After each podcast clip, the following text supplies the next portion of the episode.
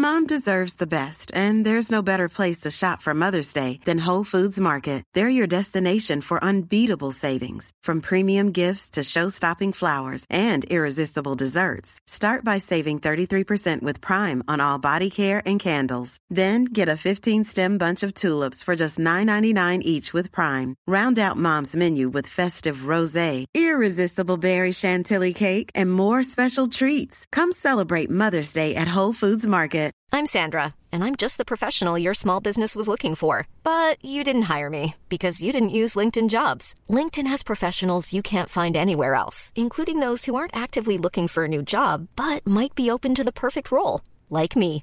In a given month, over 70% of LinkedIn users don't visit other leading job sites. So if you're not looking on LinkedIn, you'll miss out on great candidates like Sandra. Start hiring professionals like a professional. Post your free job on linkedin.com/people slash people today. One size fits all seemed like a good idea for clothes Nice dress. Uh, it's a it's a t-shirt. until you tried it on. Same goes for your healthcare. That's why United Healthcare offers a variety of flexible, budget friendly coverage for medical, vision, dental, and more. So, whether you're between jobs, coming off a parent's plan, or even missed open enrollment, you can find the plan that fits you best. Find out more about United Healthcare coverage at uh1.com. That's uh1.com. A lot can happen in the next three years. Like a chatbot may be your new best friend. But what won't change? Needing health insurance. United Healthcare Tri Term Medical Plans are available for these changing times. Underwritten by Golden Rule Insurance Company, they offer budget friendly, flexible coverage for people who are in between jobs or missed open enrollment. The plans last nearly three years in some states, with access to a nationwide network of doctors and hospitals. So, for whatever tomorrow brings, United Healthcare Tri Term Medical Plans may be for you. Learn more at uh1.com. I don't need a lot of brains in this business. I mean, I've always said if you got an IQ of 160, give away 30 points to somebody else because you don't need it in investments. What you do need is emotional stability. Wow. Very first tech IPO, and it's a big one. Stock market hit an all-time record high today. A crash is coming now, whether it's six months from now, 12 months, 36 months, no one knows. There's a bear market about every five years. We've gone eight years without one. People have to realize this is the biggest IPO ever.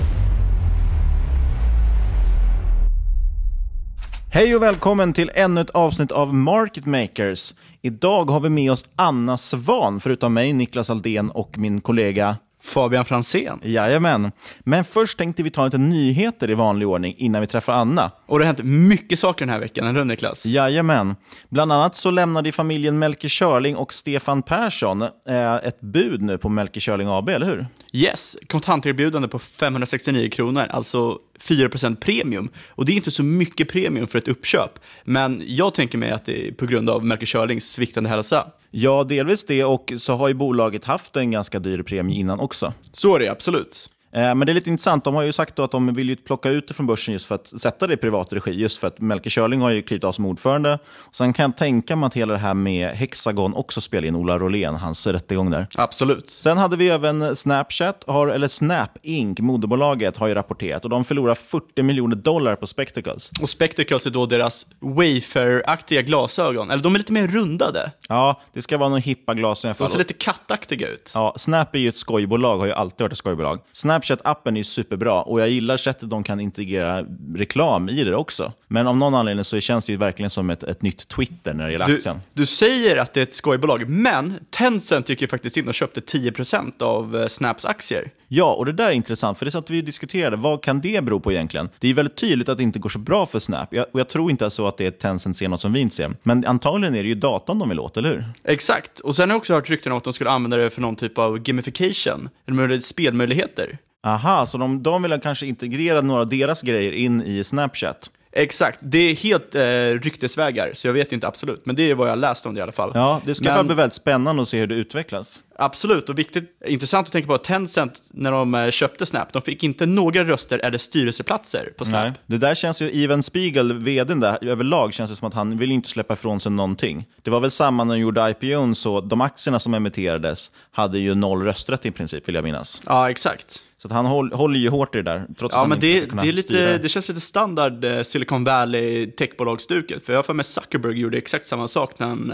eh, IPO'de Facebook. Ja, och jag- där tror jag överlag, och, och som Google, de har ju både klass A och klass C-aktier, så det är ganska långt gap däremellan. Men överlag är det väl så, de är ju misstänksamma mot kostymerna. Ja. Det är väl så man skulle kunna summera det. Absolut. De vill ju inte ha någonting att göra med banker eller Wall Street och att de då skulle få någon form av inflytande i bolagen. Nej, de vill ju att ingenjörerna ska bestämma. Exakt. Och apropå Google, deras bolag Waymo som de äger, de håller ju på med självkörande bilar. Och de har ju nu släppt, lus, äh, släppt lös en förarlös eh, taxiflotta kan man säga i Phoenix, Arizona. Exakt, det ska omfatta vad som på engelska är 100 square miles. Och det är inte ett jättestort område, men det är väldigt intressant att eh, något sånt här börjar. Och det visar ju, som vi snackade om i, för några poddar sedan, att det här med självkörande bilar, det kommer snabbare och snabbare än vad man själv tror. Ja, och det här blir jätteintressant för att det kommer ju vara väldigt tydligt när man gör sådana här experiment. Då ser man ganska fort om det funkar eller inte. Och framförallt är det intressant just för att det är, en, det är ändå i en stadsmiljö liksom, och, och man kommer verkligen testa det på allvar. Ja, jag tycker helt galet, men jäkligt kul. Men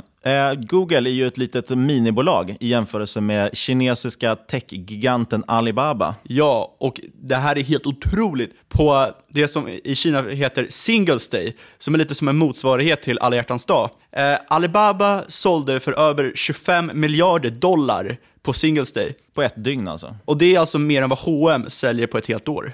Ja, och framförallt så brukar det vara mer, Alibabas, deras försäljning på single day brukar överstiga det vad alla retailkedjor säljer på Black Friday.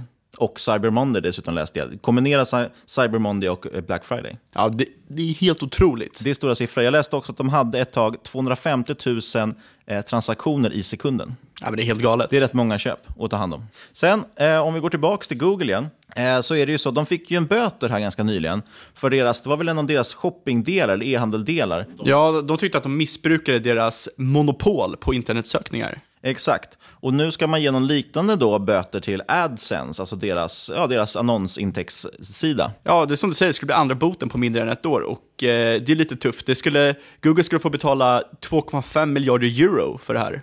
Ja, och det finns ju en liten sån här konspirationsteori om det här i princip. Det har ju varit så att det är ju nästan som en form av handelskrig mellan EU och USA. Där USA stämmer europeiska bolag på sjuka belopp och man settlar alltid, alltså man förlikar helt enkelt och går vidare med bara pengarna. Och EU gör ju samma sak då mot amerikanska bolag. Så det är en lite knepig situation, men framförallt tror jag att det som är intressant med den här nyheten är just det här skiftet. Att man tidigare har sett de här techgiganterna på Silicon Valley som räddare och det är den nya framtiden. Och nu känns det helt som att sentimentet börjar vända. Att man ger Google stora böter och överlag Facebook nu och deras liksom, kritiken de får för att de inte tar ansvar för innehållet på plattformen. Absolut, och jag tror det här är något som kommer bli större och större. Eh, eftersom de här, gamla, de här tech-giganterna, de blir större, tar större marknadsandelar och då kommer det komma så här antitrust-bot. Exakt. Böter. Sen såg vi också i bitcoin, som vi alltid återkommer till, gick ju ner rejält till runt 5 600 dollar efter att den här hardforken, vi har ju pratat om det förut, den ska ju delas i två valutor så att säga. Eh, och den gick ju inte igenom, den ställdes ju in. Och då helt plötsligt så kraschade den nästan totalt och medan bitcoin cash, den här tidigare uppdelningen, den stack ju iväg 278 procent. Det är helt galet. Eh, och det var ju mellan den 9 och den 12 november då den stack iväg. Nu har ju den gått ner lite, gått, eh, kommit Gått ner 50 procent från gått ner toppnivån. 50 procent. Toppnivån, det gick från 600 till eh, 2,3 tusen. Och nu har den gått ner till 1,3 tusen. Ja, så det är rejäl volatilitet i alla fall. Ja, och bitcoin har återhämtat sig lite till 6,5 tusen. Ja, jag har ju kollat på en IPO den här veckan som heter Toadman Interactive. Nya svenska spelundret, eller? Ja, exakt. Det har ju varit väldigt eh, håsigt bland svenska spelbolag. Så eh, det ska bli jäkligt kul att djupdyka i det här bolaget. Ja, och det är en svensk spelutvecklingsstudio, grundades 2013 och eh, det som är kul, de har varit med i utvecklingen av bland annat Dead Island 2 och var tydligen ett konsultarbete för de tidigare Dead Island-spelen. Jag vet inte om du kommer ihåg Dead Island Niklas, men jag tror det var 2011 så var de jäkligt hypade när det skulle komma. Jo, jag kommer ihåg det. Jag spelade dock inte själv, men jag hade kompisar som gjorde det. Ja, det var ju ett RPG-spel och RPG-spel är det Toadman Interactive fokuserar på. Eh, och det var ju, Role-playing. exakt, role-playing game. Dead Island var ju då, man kombinerar RPG-vågen, zombie-vågen och slog ihop det, vad jag för mig i alla fall. Så det var ett Ja, zombie-RPG. Framförallt tror jag den stora framgången låg i att de hade en extremt bra trailer till det spelet. Ja, jag kommer ihåg den jag var, såg den det var var jäkligt viral. Allting eh, gick baklänges har jag för mig. Precis, så följde man en ung tjej då som vart, eller det var en familj typ, tragiskt familjeöde liksom med zombies och grejer. Det var en jättebra Du trailer kan ju inte spoila trailern. Tänk om de ska se den här nu. Från 2011 ja. ja. Ja, men då, vad har de framöver då i pipen och är det värt att investera i det här bolaget? Ja, jag kommer till det Niklas, hold your horses. Men i alla fall, de har även hållit på med Killing Floor Calamity, som är en spin-off på eh, en rätt känd spel, äh, spelserie som heter Killing Floor, och även Warhammer Vermintide, som är som man kan höra en spin-off på Warhammer, som är ett väldigt eh, stort spel. Warhammer Vermintide har eh, haft en miljon sålda spel, så det är något. Men det som är eh, intressant är att, för de här spelen har varit lite mindre, men kommande spel som Toadman håller på att arbeta på just nu är bland annat AAA-titeln Immortal Unchained som tänker släppas 2018 till PC, Xbox och PS4. Och det är, det är rätt kul att de håller på med ett liksom, lite större företag, eller företag, spel menar jag, eftersom det kan kanske locka in eh, mer spelare, större intäkter och det är nog jäkligt bra för ett så här litet bolag. Men då gör ju de konsultarbete på det spelet, eller hur? Ja, som jag har förstått det så har deras nisch varit lite, för de är lite, rätt liten spelstudio, att de hoppar in hos större eh, spelstudios och spelutvecklare som typ Fat Shark och hjälper dem eh, utveckla med hjälp av sin expertis. Då känns det ju lite som att det, man skulle kunna spekulera i ett uppköp också den dagen när, eh, ja men om man har rekryterat Toadman väldigt mycket till exempel, så till slut känns det som att man kanske skulle köpa ut dem och inkorporera sitt eget. Uppköpsspekulationer är alltid perfekta, går alltid bra. ja, men sen har vi gått in ett avtal också med en kinesisk ja. förläggare och det här är väl det, det som är spännande med bolaget. Där är, för att de, de har växt sin omsättning från 1 miljoner SEK till 11 miljoner SEK mellan 2013 och 2017. 11 miljoner kronor, det är inte så mycket omsättning. Men under 2017, alltså i år, ingick de till med ett avtal med kinesiska föreläggaren Leishu Technology Holdings Limited. Och de är noterade på Hongkongs börs med ett market cap på 5 miljarder Hongkong-dollar. Och det som är jäkligt intressant här är att Toadman ska leverera ett nytt spel till de här då, eh, och det förväntas ge en omsättning på 40 miljoner kronor. Senare ska de även få royalties på cirka 10% av vinsten. Och just nu har de en omsättning på 11 miljoner SEK, men den här, det här avtalet då står för, ska stå för 40 miljoner SEK. Så det är fyra gånger så mycket vad de har just nu. Ja, det är väldigt intressant, men som vanligt så låter det som att det är lite eh, farfetch, eller kanske inte kommer ske? Eller? Ja, eh, ha en orderingång på fyra gånger sin nuvarande omsättning är jäkligt eh, riskfyllt, speciellt när det är en föreläggare. Verkligen. Eh, men överlag så känns det dock, ser man bort, bortser man från det här, för det är det som är uppsidan känns det som, att det där kan bli riktigt bra. Eh, men annars känns ju bolaget väldigt skevt värderat, rent ut sagt. Ja, de ska ju ta in cirka 22 miljoner kronor. Och eh, utifrån det kan man, och deras market cap kan man värdera dem, de har cirka 4% i vinstmarginal. Då får de ett P på cirka 450. 444 det, det är Amazon-nivåer. Ja, det är Amazon-nivåer. Frågan är om de kan växa lika eh, starkt som Amazon. Jag tror ju att de satsar på att växa som de andra spelbolagen på börsen. Då måste de hålla det också. Framförallt låter 4% vinstmarginal låter ju inte kul och det kanske ju också förklaras av att det är mer konsultverksamhet än spelförsäljning. Absolut, och så, äh, även om man justerar det här för orderingången för den här kinesiska firman då, har de ändå ett P på 98. Ja, så det är väldigt, väldigt dyrt och allt ska gå rätt. Exakt. Eh, tänker man bort då, ja, men har de 4% vinstmarginal, de gör inte så mycket vinst. Tittar vi på price to sales, vad det betalar för omsättningen, då ligger det på närmare 18, vilket också är sanslöst dyrt. Mm, och price to book är 60. Ja, men det känns inte riktigt lika relevant på ett, ett spelutvecklingsbolag. Ja, det är sant. Nej, men eh, det går i alla fall att teckna dem. Teckningsperioden pågår mellan 6 till 24 november. Minsta ja. teckningsposten är 400 aktier. Ja, och det, räknar, det blir ungefär 5 000 spänn då. Ja, för det är 12,90 eh, per aktie. Ja, men gå gärna in på ipo.se och titta på det om ni är intresserade av det. Jag kommer inte teckna det här, men med tanke på att IPO-hosen är som den är så, så kan det ju gå bra. Ja, framförallt in på ipo.se när vi kollar in fler eller andra spännande IPOs.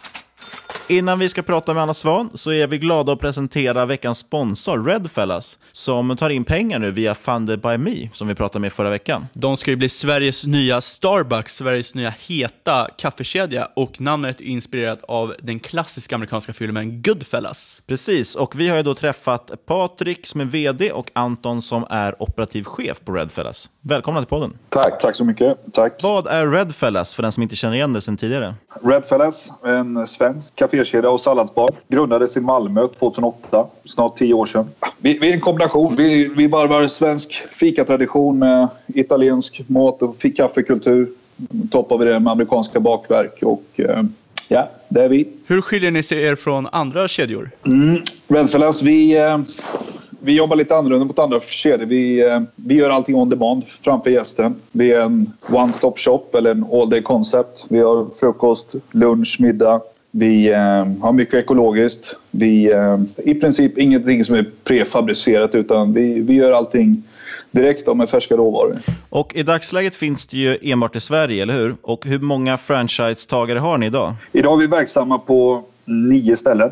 Och det är bara att backa bandet egentligen två och ett halvt år. Då fanns det två stycken i Malmö så att vi, vi har tagit oss från en lokalt förankrat koncept i Malmö till nationell franchise. Vart är ni om fem år? Vår förhoppning är att om fem år ska vi vara en börsintroducerad kedja som... eh, Ja, dels ska vi ha eh, 60 enheter i Sverige och sen ska vi öppna upp för en ja, fem, sex andra marknader utomlands. Ja, ni siktar ju nu på, eller ni har en finansieringsrunda via Funded by Me och ni har ju redan nått det lägsta målet om 6 miljoner, vilket är väldigt imponerande. Men tittar man då, vi som investerare är ju intresserade av värderingar och sådär och eh, post money, efter att ni tagit in de här pengarna så värderas ju bolaget till lite över 100 miljoner då. Eh, hur motiverar man det och vad, vad ser ni framförallt för uppsida framöver i den här investeringen? Eh, ja, eh, motiveringen det, det är väldigt svårt att värdera bolag och värdera ett företag eller ett koncept överhuvudtaget. Och, eh, någonstans vill vi hitta en bra värdering så att vi ska kunna ta oss vidare med de planerna vi har. Eh, få in så många av våra gäster som möjligt i projektet för att de ska kunna stödja oss. Eh, så att det, det är där vi har tänkt liksom. Och uppsidan framåt, ja. Vi har en uppsida såklart att, man, att vi ska ha aktieutdelningar och liknande saker. Eh, men framförallt så är ju nästa steg för oss att antingen gå och göra någon börsintroduktion alternativt kanske sälja till någon större partner och något liknande. Då blir det en bra avkastning för alla som är, som är delaktiga här. Vi, vi vill ju, den stora massan är ju den vi egentligen siktar på att få in. Vi tar ju hellre eh, 20 000 människor som investerar 1000 kronor än två personer som investerar 10 miljoner för att vi tror ju på det här med, med att alla våra gäster som, som är delaktiga i detta här kommer att göra det väldigt bra för oss och för dem själva också framåt. Så det är där våra tankar går. Liksom. Så att om man summerar hela caset då. Man har ju framförallt där, vi, vi har delvis en etablering, större etablering i Sverige, eventuell internationell etablering. Möjlig IPO. Precis, möjlig IPO och även den här vertikalen med Red Fellas on Wheels. Utöver allt det här så får man ju dessutom eh, presentkort också, eller på kaffe när man investerar. Ja, ja, vi har ju som sagt vi har paketerat det som, som tre erbjudanden. Det är, det är ett erbjudande som är 1000 kronor, sen har vi ett som är 5000 och ett som är 25 000. Och under de här ja, olika erbjudanden så ligger det ett, eh, ett bonuskit egentligen. Där man, vissa får man kaffe, sen får man lite valfria produkter och man får någonting som heter Redfellas Family Card som ger 20% på all mat och dryck och 50% på all kaffe två år framöver. Det får man då på vårt största paket. Så att, eh, Ja, vi har paketerat det så vi, vi vill kunna hitta ett paket som passar alla. Och sen som sagt är det antal aktier också i det här. Så att, eh, Det är jäkligt intressanta förmåner för investerare. Ja, man kan ju se det som att om man är Redfellas kund redan så får man ju aktierna på köpet när man ändå köper kaffet. Verkligen. Ja, precis så. Och mm, där någonstans vill vi, som jag sa, vi, vi har en, vår bärfasta övertygelse att vi vill växa med våra gäster och, och skapa liksom en, en stor familj där vi har småpåvar som äter, andas, dricker Redfellas i hela Sverige och blir våra bästa ambassadörer där ute. Och Då vill vi ge dem bra förmåner såklart. Ja, ni har fyllt upp ert eh, minsta investeringsmål redan, men det finns ju fortfarande möjlighet att investera. Och det gör man då om man går in på fundedbyme.com redfellas. Eh, och det här går att teckna fram till den 8 december. Ja, det är korrekt. Alla är välkomna. Då säger vi välkommen Anna Svan. Tjena. Eh, för de som inte känner till dig tidigare, vem är du? Eh, Anna Svan är eh, 25 år gammal, sitter numera i Stockholm efter fem år i Malmö, jobbar med eh, ett nätverk som heter Feminvest och eh, Ekonomista. Eh, vi ska nog prata lite mer om det sen, men det är egentligen två investerarnätverk som ser till så att kvinnor också sparar och investerar mer. Och själv har jag tradat lite grann och bloggar nu på annasvan.se och ja, men försöker se till att inspirera så många som möjligt att spara och investera. Just det, och vi ska återkomma till det här med Feminvest och det. Men hur ser din handel ut idag? För jag har ju läst att du förut höll ju på mer med swing trading och, och day trading kanske. Och nu är det mer buy and hold, eller hur? Alltså både ja och nej. Once a trader höll jag på att säga. Nej men eh, jag tycker ju att, eh, att vårt börsklimat är så himla himla svårt. Och jag har skrivit en hel del om. Jag köper en del bitcoin, guld, mycket softs och så vidare. Eh, också handlat björnar fram och tillbaka och äger just nu. Vilket gjorde att ett tag så satt jag i princip inte på några aktier alls. Men eh, sen eh, några månader tillbaka så gör jag faktiskt det ändå. Eh, det är Opus och det är Diös och det är Balder, jag har Fortnox och jag har Loomis i den här portföljen utöver guld, softs och det är alltså mjuka jordbruksråvaror och exakt bear och bitcoin. Men det är Ja, alltså jag handlar fortfarande ganska aktivt men med ett annat tankesätt. Så det är mer, mer fundamentala tankar bakom mina analyser idag än vad det var kanske förut. Men hur går du tillväga när du ska hitta ett bolag? Är det ren fundamental analys? Går det på någon typ av kvantitativ screening? Eh, det, när, jag, när jag letar efter bolag från början så funderar jag, det är verk, verkligen det här klassiska köp där du känner igen. Och när det kommer till Diös och Balder så anledningen till att jag kom, halkade in på fastighetsbolag det var för att jag letar själv efter fastighet att köpa för att hyra ut. Och eh, då vill jag antingen att det ska vara någon form av semesterbostad eller en, en bostad i centrala Stockholm. Men det vill jag inte köpa riktigt nu utan jag tänkte att jag ska vänta lite till bostadsmarknaden har eh, gått ner. Men då tänkte jag att okej, okay, det, är, det är nämligen så här att jag vill inte äga kommersiella fastigheter och det har egentligen att göra med att jag tror ju någonstans ändå att vi står inför en börsnedgång och eh, har vi en försvagad ekonomi, kanske bolag går i konkurs eh, eller får dra ner på kostnader. Det kommer finnas fler kontorslokaler lediga. Vi går emot en butiksdöd som vi pratar om. Och då vill jag inte äga bolag som bara är exponerade och förvaltar och hyr ut den typen av fastigheter. Eh, jag vill heller inte äga till exempel bolag som Oscar Properties som eh, säljer jättedyra och eh, jättefina high-end bostadsrätter. För de kommer vi inte heller vilja köpa och framförallt inte när de börjar bygga dem nu och så ska de sälja dem om ett, två år. vi ser ju redan nu vad som händer, de har kommit ut med vinstvarning och det är inte bara dem. Däremot hyresbostäder Eh, Eh, hyran är det sista privatpersoner slutar betala när de har ont om pengar för att man är så rädd att inte ha någonstans att bo. Det är verkligen det som man prioriterar allra, allra högst. Det är precis som man kan jämföra med Maslows behovstrappa. Det är de här fysiologiska behoven och där behöver du en bostad. Så därför är det ganska konjunkturokänsligt och man skulle till och med kunna säga att de fastighetsbolag som hyr ut bostäder de kanske till och med får ännu fler hyresgäster i de fall som eh, människor är tvungna att sälja sin lägenhet. Till exempel om räntan skulle gå upp och därmed inte har råd att köpa en ny och då få sätta sin hyresrätt istället. Eh, så eftersom att jag funderade på lite själv vad jag ville göra med mitt kapital men inte hittade ett läge i Stockholm nu så började jag titta på fastighetsbolag som kanske skulle kunna göra det här. Men då hittade jag Oxidia som har till största del kommersiella fastigheter med runt om i Sverige och mest i norra Sverige. Eh, och tyckte jag att de hade hög lönsamhet och bra tillväxt. Så jag köpte dem och det har gått bra. Eh, det är några månader sedan. Men jag sålde faktiskt av hälften går. Och det beror också på just det här med att eh, nu börjar vi se på riktigt att det kommer bli en inbromsning när det kommer till kommersiella fastigheter. Däremot så har jag kvar Balder och hela den positionen som jag hade från början. Så det beror lite på. det. När jag tittar efter bolag så funderar jag väldigt mycket på Eh, hur, hur jag hade valt själv om jag hade gjort det själv. Så det är, det är svårt. Och Opus tycker jag att det är intressant. Det är, eh, de jobbar med bilbesiktning men de tar också fram eh, verktyg för att kunna mäta utsläppen. Vilket gör att det här kommer också vara ett bra sätt för hållbarhetsarbetet i framtiden. Så det tror jag också på. Eh, Fortnox, eh, också intressant bolag som jag använder själv, min egen bokföring. Mycket repetitiva intäkter Eh, som jag tycker är superbra. Och eh, Loomis kontanthantering eh, har jag, vi jobbade med dem när jag, på ett företag som, företag som jag jobbade innan. Jag vet att de är riktigt duktiga på att ta betalt och de har rätt stora marknadsandelar. Så att det är, jag försöker tänka, det är väl mest fundamenta, inte alls så mycket TA såklart. Massvis med följdfrågor man får nu. Ja.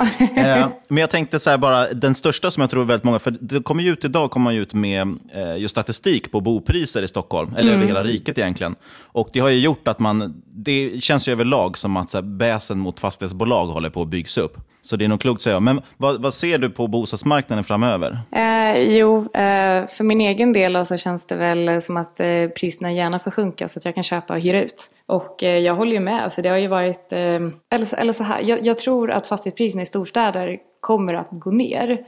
Däremot så tror jag att vi på lång sikt kommer se en mer utjämning mellan eh, små orter och storstäder. Och det beror på att stora företag idag flyttar faktiskt ut till mindre städer. Och det beror framförallt på att deras arbetskraft som de vill ha, de har inte råd att bo i till exempel Stockholm idag. Och då behöver de ta sig någon annanstans för att de ska få rätt arbetskraft eh, till rätt eh, företag. Så jag tror att eh, just nu kan vi stå inför en korrektion och framförallt ja, vi och tittar vi på, nu kommer fler förslag på ännu mer skärpta amorteringskrav och så vidare. Kommer vi se en höjd ränta. Det är många som inte kommer hålla då. Och jag tror att på på riktigt lång sikt så kommer fastighetspriserna förmodligen att fortsätta gå upp. Men vi kommer nog se en, en ganska kraftig korrektion i närtid. Men det är ju det är mina personliga åsikter såklart. Loomis då, vad går tankarna där? För det känns ju som kontanter på väg ut. Men jag vet det var ju många som tog den traden just nu. Man bytte ut alla gamla mynt och sedlar. Eh, så var det extremt mycket mynt som skulle hanteras. Ja, framförallt så är det mycket tech-alternativ som börjar tåga uppåt. Ja, så hur, hur går tankarna kring Loomis? Eh, de, har ju, de har ju marknadsandelarnas ökat i USA och eh, där är man ju inte ens i närheten mot att att eh, gå till ett eh, kontantfritt samhälle. Och i Sverige, Loomis är ju framförallt väldigt, väldigt stora när det kommer till restaurangverksamheter. Och jag har också svårt att tro att vi i närtid kommer se att kontanter helt försvinner där. Men framförallt så har det att göra med den amerikanska marknaden och jag tror att de kommer bli ännu större där.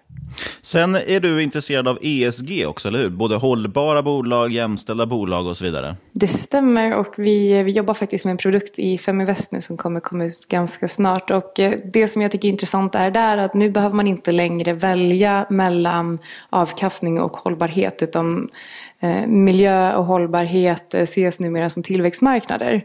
Men, det, men det, alltså just när det kommer till hållbarhet och jämställdhet, det som jag tycker är intressant är att man kan titta på momentum. Men hållbarhet är så himla svårt för du kan inte mäta Swedbank med till exempel H&M För att om man tittar på ehm, vattenåtgång till exempel så det, det krävs ju extremt mycket mer i H&M produktion än i Swedbanks verksamhet. Och hur, mät, hur mäter man då om Swedbank är mer hållbart än H&M och kan man göra det? Så att man måste titta på olika aspekter beroende på vad det är för bransch. Och sen tror jag också att den här eh, produkten som vi tar fram jobbar mycket med en algoritm och eh, då kan den också till exempel mäta och se om det här företaget jobbade med hållbarhet tidigare, om det är på gång eh, eller om det har legat ungefär jämnt hela tiden. Och då tror jag att det kan vara, alltså både för att eh, uppmuntra företagen så kan det faktiskt vara ganska bra att investera i bolag som nu tar ett statement och säger att nu ska vi börja jobba med, vår, med eh, vår hållbarhet och det ska vi göra på det här och det här sättet.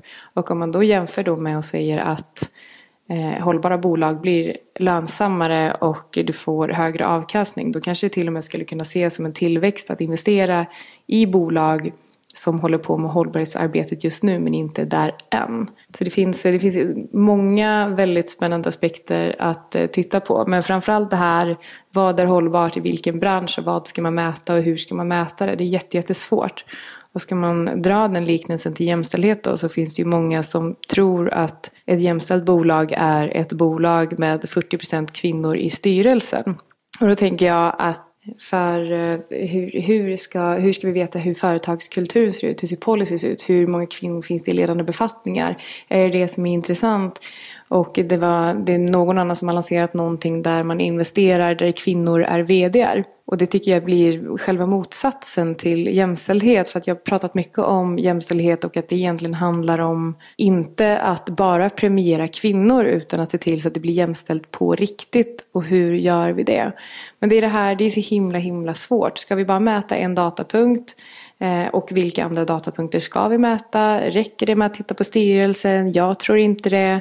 Men hur ska man mäta det annars? Det är extremt svårt. Anledningen till att man tittar på styrelser idag är ju för att det är det absolut, det är absolut lättaste datapunkten att få statistik på eh, och mäta. Så det är, men det är också bättre. Jag tror att det är viktigt att sätta press på bolag att bli jämställda på andra fronter än just styrelsen där som, styr, som dessutom har typ minst i bolaget att säga till om. Jag tänkte lite med hållbara bolag och eh, hur gör man då i så fall för att jämföra olika sektorer och branscher? Har man en viss para, liksom, några typer av parametrar som man jämför för en bransch och några andra för en annan bransch och sen kanske man summerar ihop de här och kanske en totalsumma som ger någon typ av viktad jämförelse mellan branscher, eller hur går det till? Jag tänker också om man gör konkret, har du något av dina case liksom,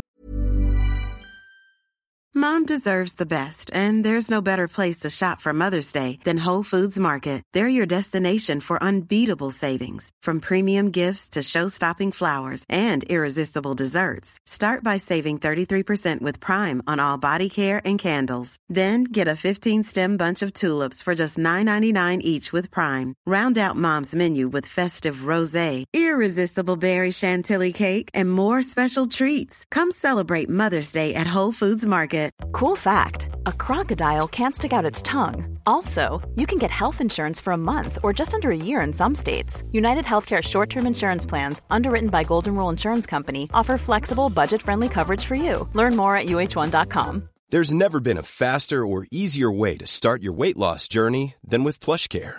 PlushCare accepts most insurance plans and gives you online access to board certified physicians who can prescribe FDA-approved weight loss medications like Wigovi and Zepbound for those who qualify. Take charge of your health and speak with a board-certified physician about a weight loss plan that's right for you. Get started today at plushcare.com slash weight loss. That's plushcare.com slash weight loss. plushcare.com slash weight loss. Life is full of awesome what ifs, and some not so much, like unexpected medical costs. That's why United Healthcare provides Health Protector Guard fixed indemnity insurance plans to supplement your primary plan and help manage out of pocket costs. Learn more at uh1.com. Hey Dave. Yeah, Randy. Since we founded Bombus, we've always said our socks, underwear, and t shirts are super soft. Any new ideas? Maybe sublimely soft. Or disgustingly cozy. Wait, what? I got it. Bombus absurdly comfortable essentials for yourself and for those facing homelessness. Because one purchased equals one donated. Wow, did we just write an ad? Yes. Bombas. Big comfort for everyone. Go to bombas.com slash ACAST and use code ACAST for 20% off your first purchase. Hur har du tänkt kring dem? Det vore jätteintressant att höra hur, hur liksom tillvägagångssättet går till. Det jag jobbar med, nu, om vi tittar på den produkten som vi tar fram i Feminvest till exempel, gör vi tillsammans med ett annat bolag. De jobbar med big data och de mäter så kallad noise. Så att de har en algoritm som mäter vad som talas om bolaget. Till exempel så var det så här att innan den här Volkswagen-skandalen kom ut så hade de redan sålt av Volkswagen i deras, eh, från deras portfölj trots att informationen inte var ute. Och det var för att det, de kunde mäta av, eh, mäta av noise. Så de mäter på, det är ju hur många liksom, tusentals datapunkter som helst. Och det är liksom social media och det är liksom all offentlig information i hela världen eh, mäts via det här systemet. Och eh, då sålde de Volkswagen innan, eh, innan folk visste eh, att de hade fifflat med utsläppsmätaren. Och sen när den kom ut så ehm, så behövde de liksom inte ens ta den smällen. Nu däremot så äger de Volkswagen igen och det har mycket att göra med, som jag pratade om tidigare, att de mätt och kan se att de har momentum i Eh, i sitt eh, hållbarhetsarbete. Att de har tagit det här steget att de faktiskt arbetar med det på riktigt. Och det kan de också mäta. Så att den typen av analyser gör jag via det verktyget ihop med dem. Så jag gör inte det själv. Just för att det är så himla himla svårt. Det är klart att du kan hitta bolag som kanske säljer grön el och det är jätte, jättebra. Och det måste vi också lyfta fram. Men hur gör vi med alla stora stora företag som redan finns där. Hur, hur mäter vi om H&M är hållbart? Hur mäter vi om ICA är hållbart? Det är jätte, jättesvårt. Och jag tror att det är därför det är så himla bra att det kommer den här typen av um, smarta produkter som mäter data på ett helt annat sätt än vi, vad vi människor faktiskt kan göra.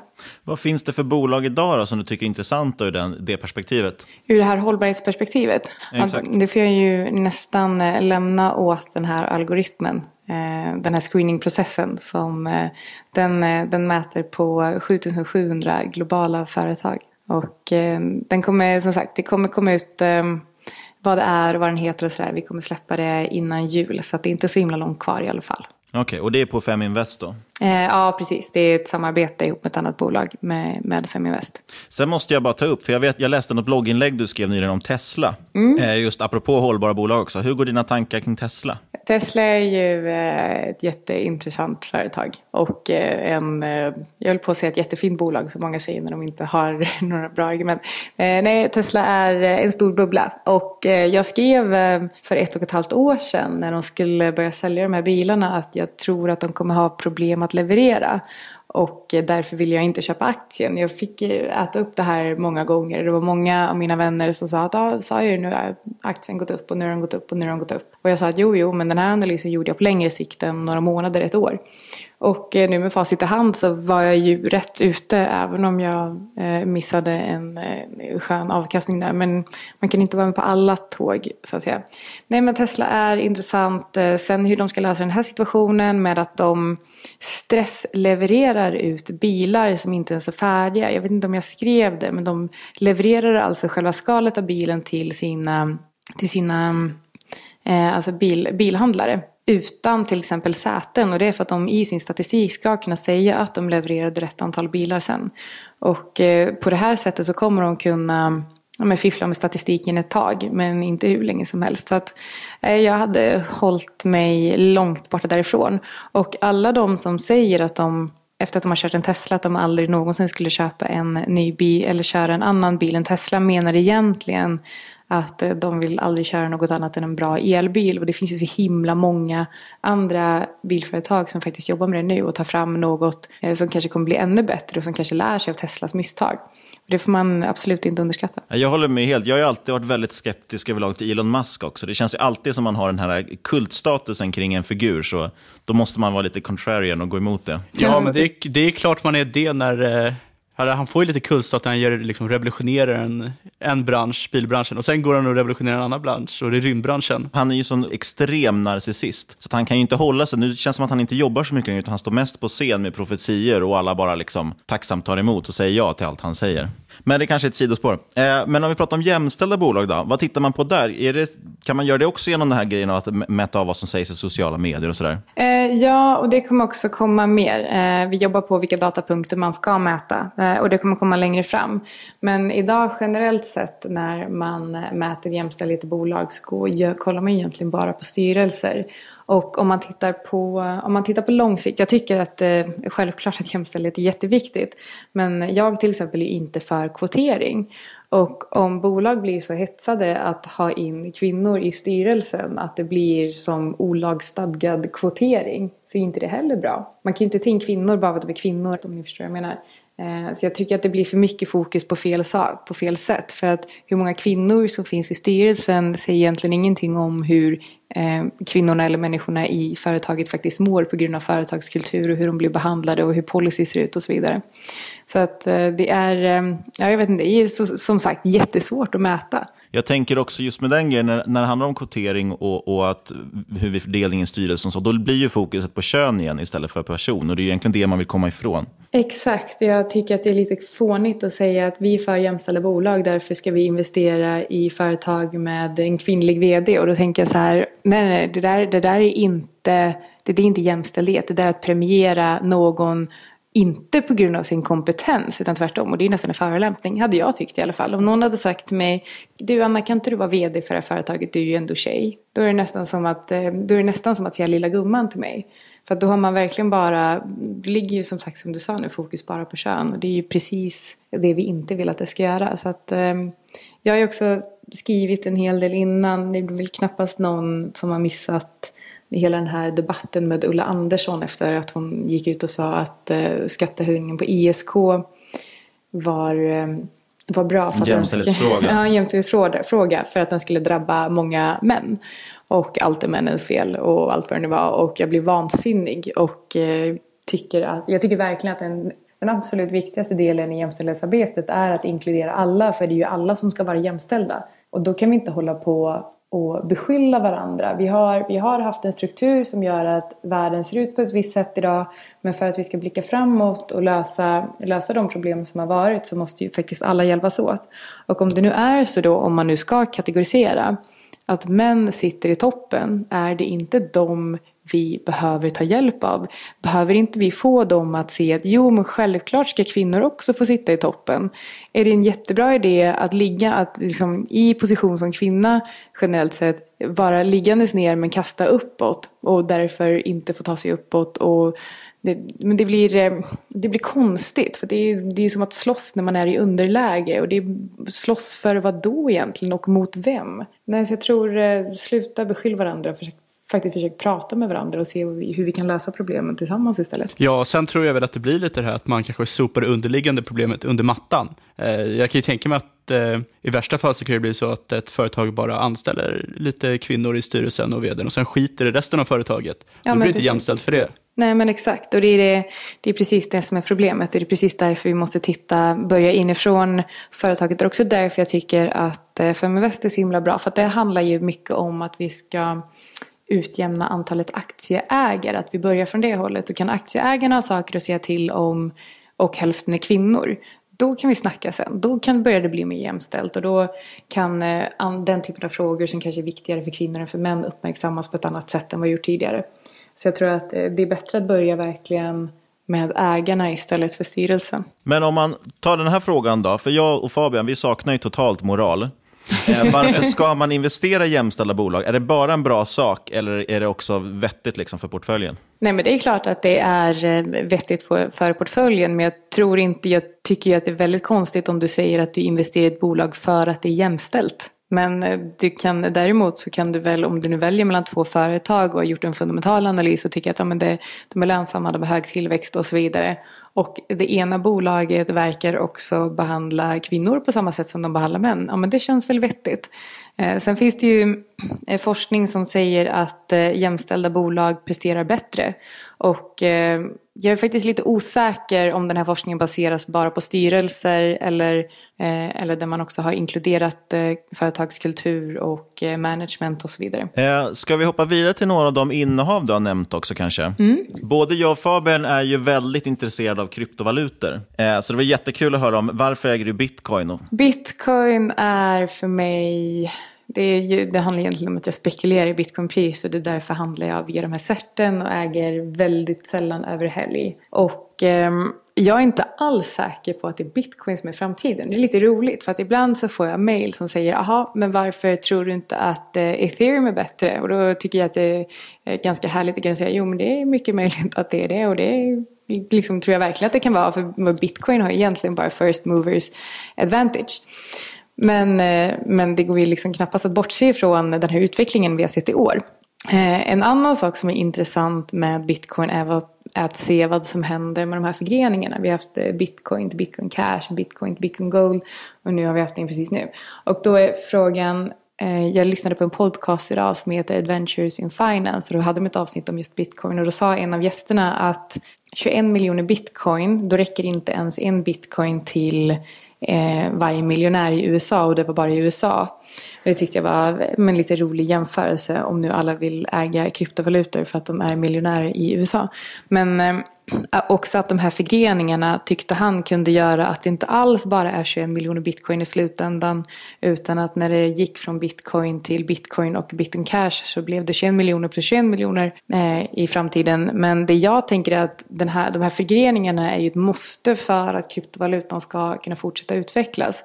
För vi kan ju inte ha kvar eh, eh grundprotokollet bara för att det alltid har varit så när det finns så himla många olika kryptovalutor ute där. Utan vi måste ju testa oss fram och se vilket blir bäst och så vidare. Så att eh, för min del, anledningen till att jag handlar bitcoin är för att eh, jag tycker att det är en kul spekulation i priset och sen så framförallt för att på samma sätt som guld, en ganska rolig hedge i portföljen också. Så du har ingen så libertariansk ådra att du känner att du måste äga det bara för att eh, liksom, ja, stick it to the man? nej, nej jag, jag, tror, jag tror verkligen att krypto är framtiden. Men, eh, men det är inte, inte riktigt på den nivån. Men du tänker, för jag tänkte just på det här när du nämnde med hard forks, alltså de här förgreningarna. Vi äger ju de flesta, mest av våra krypto i alltså en riktig så att säga, fysisk plånbok. Ja. Och då får du ju dessutom de här då, den nya valutan, typ bitcoin cash, och kan sälja den. Med de här certen eh, som XBT Provider ger, de har jag för mig att deras policy, jag kollade på det här om veckan, att de behåller kryptovalutan om det är tre månader. Ja, och sen om det är skillnad. värde så ska du få tillbaka det på något sätt. Ja, precis. Så att den är lite oklar där och man kan tjäna ganska mycket pengar på att faktiskt plocka de här. Jag såg ju till exempel nu i Du hade ju helgen. kunnat tjäna ännu mer genom att hålla kvar dem istället för att sälja dem. Precis, och, eh, och, det som, och det diskuterade faktiskt jag och Micke idag. Eh, Det här med eh, att eh, om man tittar på de som köpte bitcoin precis när det var nytt och sen har glömt av dem och sen hittar de idag och så bär de jättemycket och så vidare. Om man då jämför det med de som eh, kanske har missat att eh, de har fått bitcoin cash och bitcoin gold med förgreningen och så kanske det är det som är framtiden sen och sen så inser de om några år att shit, de hade jag ju också. Eh, Så att ja, det kan ju både finnas ehm, en fördel i att behålla dem. Men sen så precis som jag sa innan, de här förgreningarna görs ju för att man vill se åt vilken riktning ska valuta, kryptovalutan gå. Och eh, det vet vi ju inte och eh, vill man ha allra bäst avkastning så ska man ju liksom gissa rätt vilket av de här protokollen som verkligen blir störst i framtiden. Men det är ju helt... Absolut, och det som var intressant var ju faktiskt att man såg ju i helgen när bitcoin gick ner, så gick bitcoin cash upp. Lite hedge mot varandra. Ja, precis. De, de ställde ju in den Segwit 2X-forken som ska göras, den förgreningen. Och då sjönk ju bitcoin jag tror 30% och bitcoin cash gick upp över 250 Mm. Och den gliringen Fabian gjorde här mot mig tidigare var ju att jag sålde ju mina bitcoin cash samma dag man kunde sälja dem.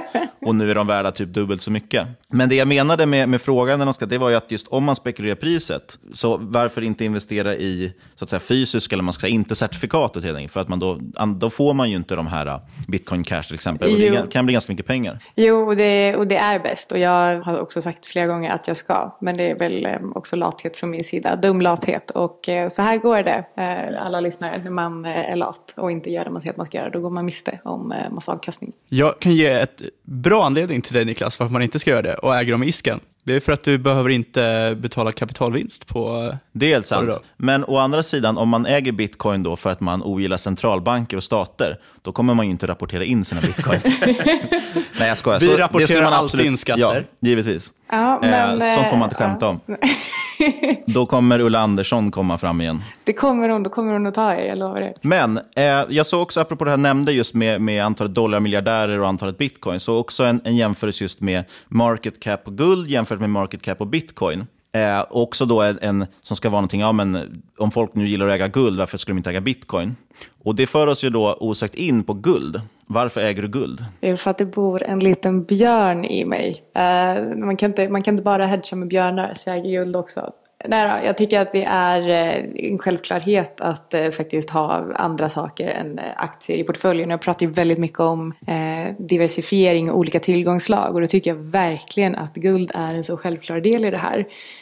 Historiskt sett så man måste ju faktiskt, guld förstärks när ekonomin försvagas, det är inget nytt och därför äger jag guld. Det är som en extra säkerhet i min portfölj helt enkelt, en annan typ av diversifiering. Och jag kan inte bara, bara ha bitcoin. Jag tänker ju också så här, eh, för jag tänker, hur mycket har du inspirerats av Mikael Syding? För han har ju varit känd lite som en så här permabjörn och som gillar guld och, och sådär. Jag, jag vet inte, jag antar att man eh, påverkas mer än vad man tror när man bor ihop. Men faktiskt inte, vi diskuterar faktiskt inte vår handel så himla mycket med varandra. Däremot så bollar, vi en, bollar jag väl en hel del om jag har några tankar eller idéer. Men han, ehm, han lägger faktiskt aldrig någon värdering i vad jag gör eller inte gör, vilket är, eh, vilket är skönt. Så antingen så håller vi med varandra eller så har han planterat eh, tankar hos mig som jag, utan att jag vet om det. Men eh, överlag så har min diversifieringsstrategi och allokeringsstrategi mellan olika tillgångsslag, det är tankar som, som jag har själv och eh, kommit fram till själv utan att han har sagt någonting i alla fall. Eh, andra råvaror, som mjuka råvaror, vilka gillar du då? Vi har ju rekat kakao till exempel här i podden. Ja, men det har jag ju faktiskt skrivit en hel del om. Jag tycker att eh, alltså softs, och där ingår ju bland annat kakao, är, eh, är riktigt spännande. Och kakao jag har, ju, har ju legat eh, liksom väldigt, väldigt lågt nu, men återhämtar sig. Och eh, det som är det som är intressant med softs var att jag, jag kommer inte ihåg varför, men i somras så satt jag och jämförde lite olika grafer och kikade lite. Och så av någon anledning så jämförde jag softs med, med globala aktieindex.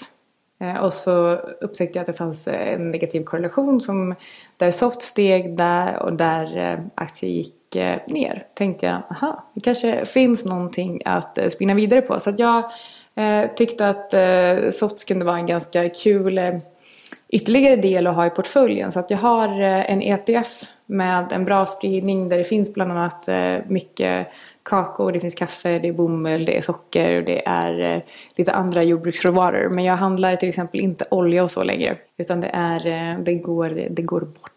Är det på grund av hållbarhetstänket? Ja, då? men det känns, eh, ja men framförallt därför. Det känns skönt att ha ett statement. Jag tror, jag tror ju faktiskt inte på olja i framtiden och då känns det lite konstigt att, eh, att handla det nu. Och det är väl kanske också det som är den absolut största skillnaden i min handel nu mot förr. När vi pratade tidigare om det här med buy and hold kontra eh, mer trading. Jag handlar fortfarande väldigt aktivt men jag handlar bara i bolag och i eh, andra tillgångslag där jag känner att det finns någon form av framtid i. Snarare än eh, än på riktigt kort sikt. Ja, för jag tänker typ om man tänker på mjuka råvaror till exempel. Det är ju ändå en ganska lång strategi. Alltså man, det är ju ingenting som kommer hända imorgon antagligen. Nej, men exakt. Nej, men precis. Hur lång sikt tänker du på i dina, ja, det du handlar? Det är också svårt för att jag, jag är ganska versatil så jag tar in information hela tiden så att min strategi kan ändras eh, på vägen. Också det som är min styrka. Jag tror absolut på att man ska ha en buy and hold strategi och eh, tänka att man ska hålla någonting på lång sikt. Men om det sker fundamentala förändringar då måste du också ändra ditt sätt att se på eh, dina innehav. Och eh, detsamma gäller eh, egentligen allt. Det, det gäller guld, det gäller bitcoin, det gäller aktier. Om, eh, om jag skulle få en nyhet imorgon som säger att eh, USA släpper all kontanthantering så kommer jag ju inte hålla kvar Loomis för att jag tycker att de har en stark position i USA.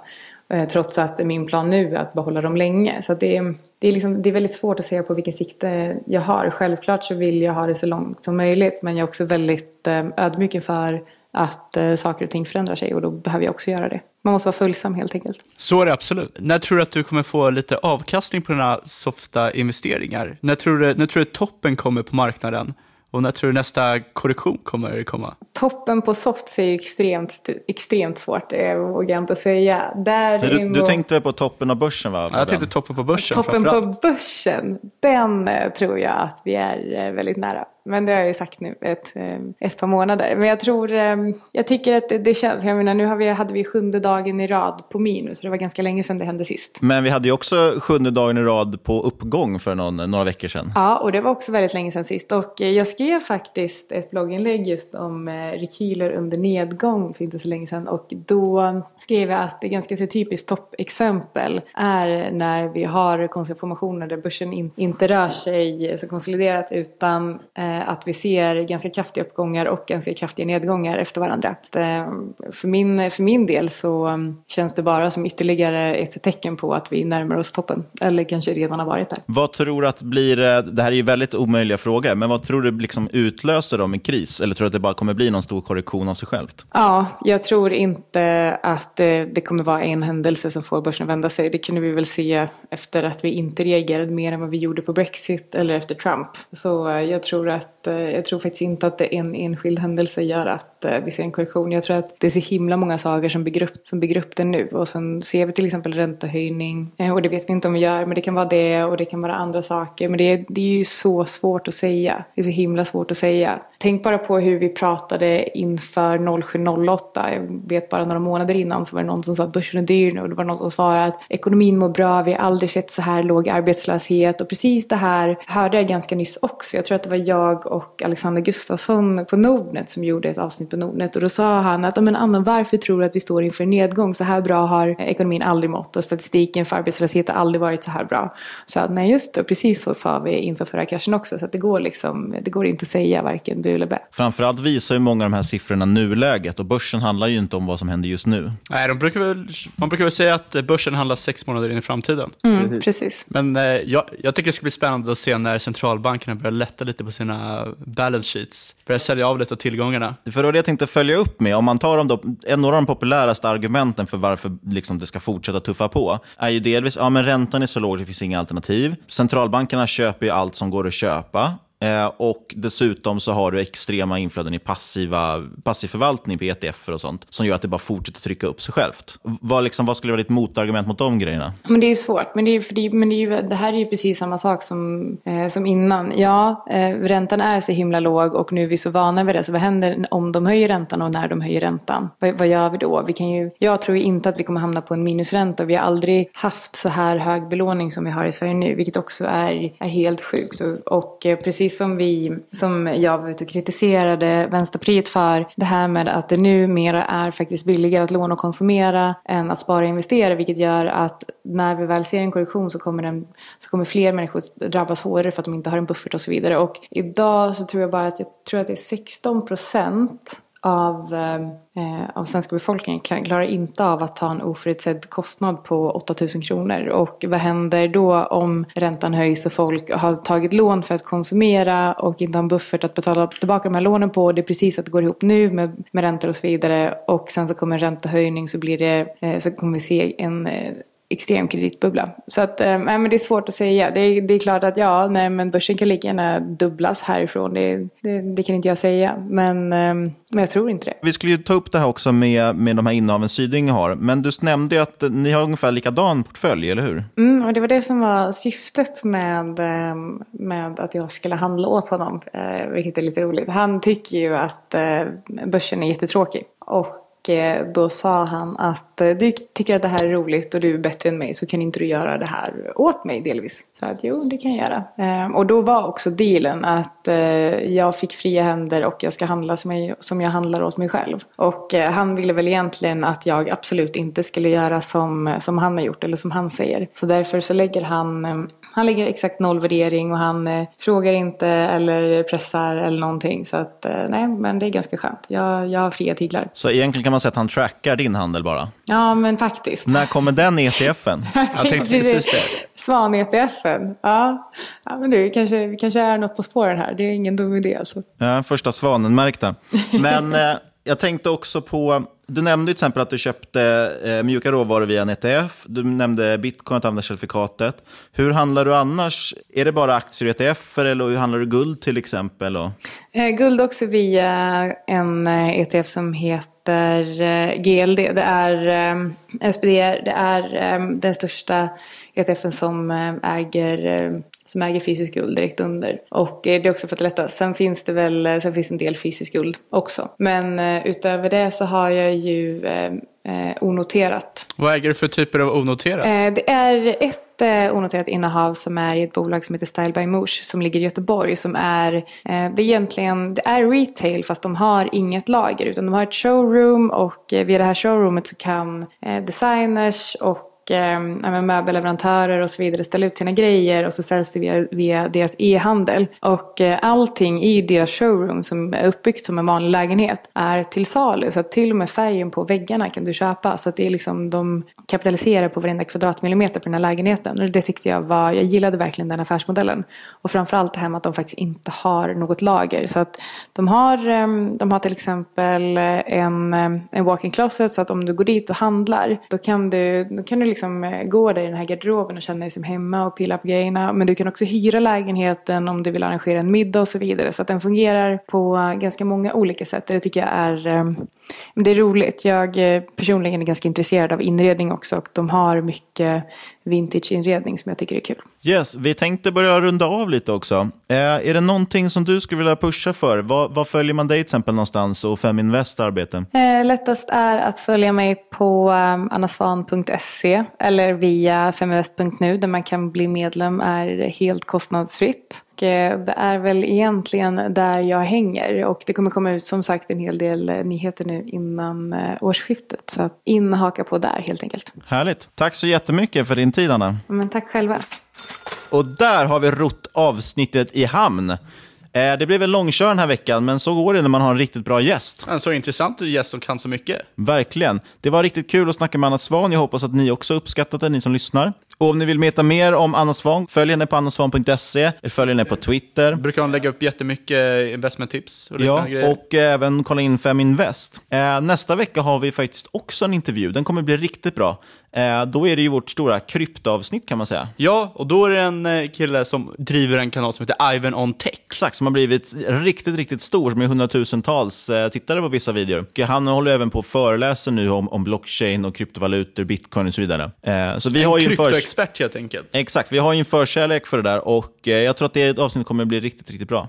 Men stort tack till Anna Svan för att vara med i den här veckans avsnitt. Och stort tack till Redfellas som sponsrar avsnittet. Gå in på fundedbyme.com och kolla in Redfellas kampanj där och eh, ja, men investera lite grann om du vill ha kaffe och aktier. Perfekt. Om inte de dessutom en ganska rolig film också som är maffiainspirerad. Eh, och sist men inte minst, tack för att du har lyssnat. Tack.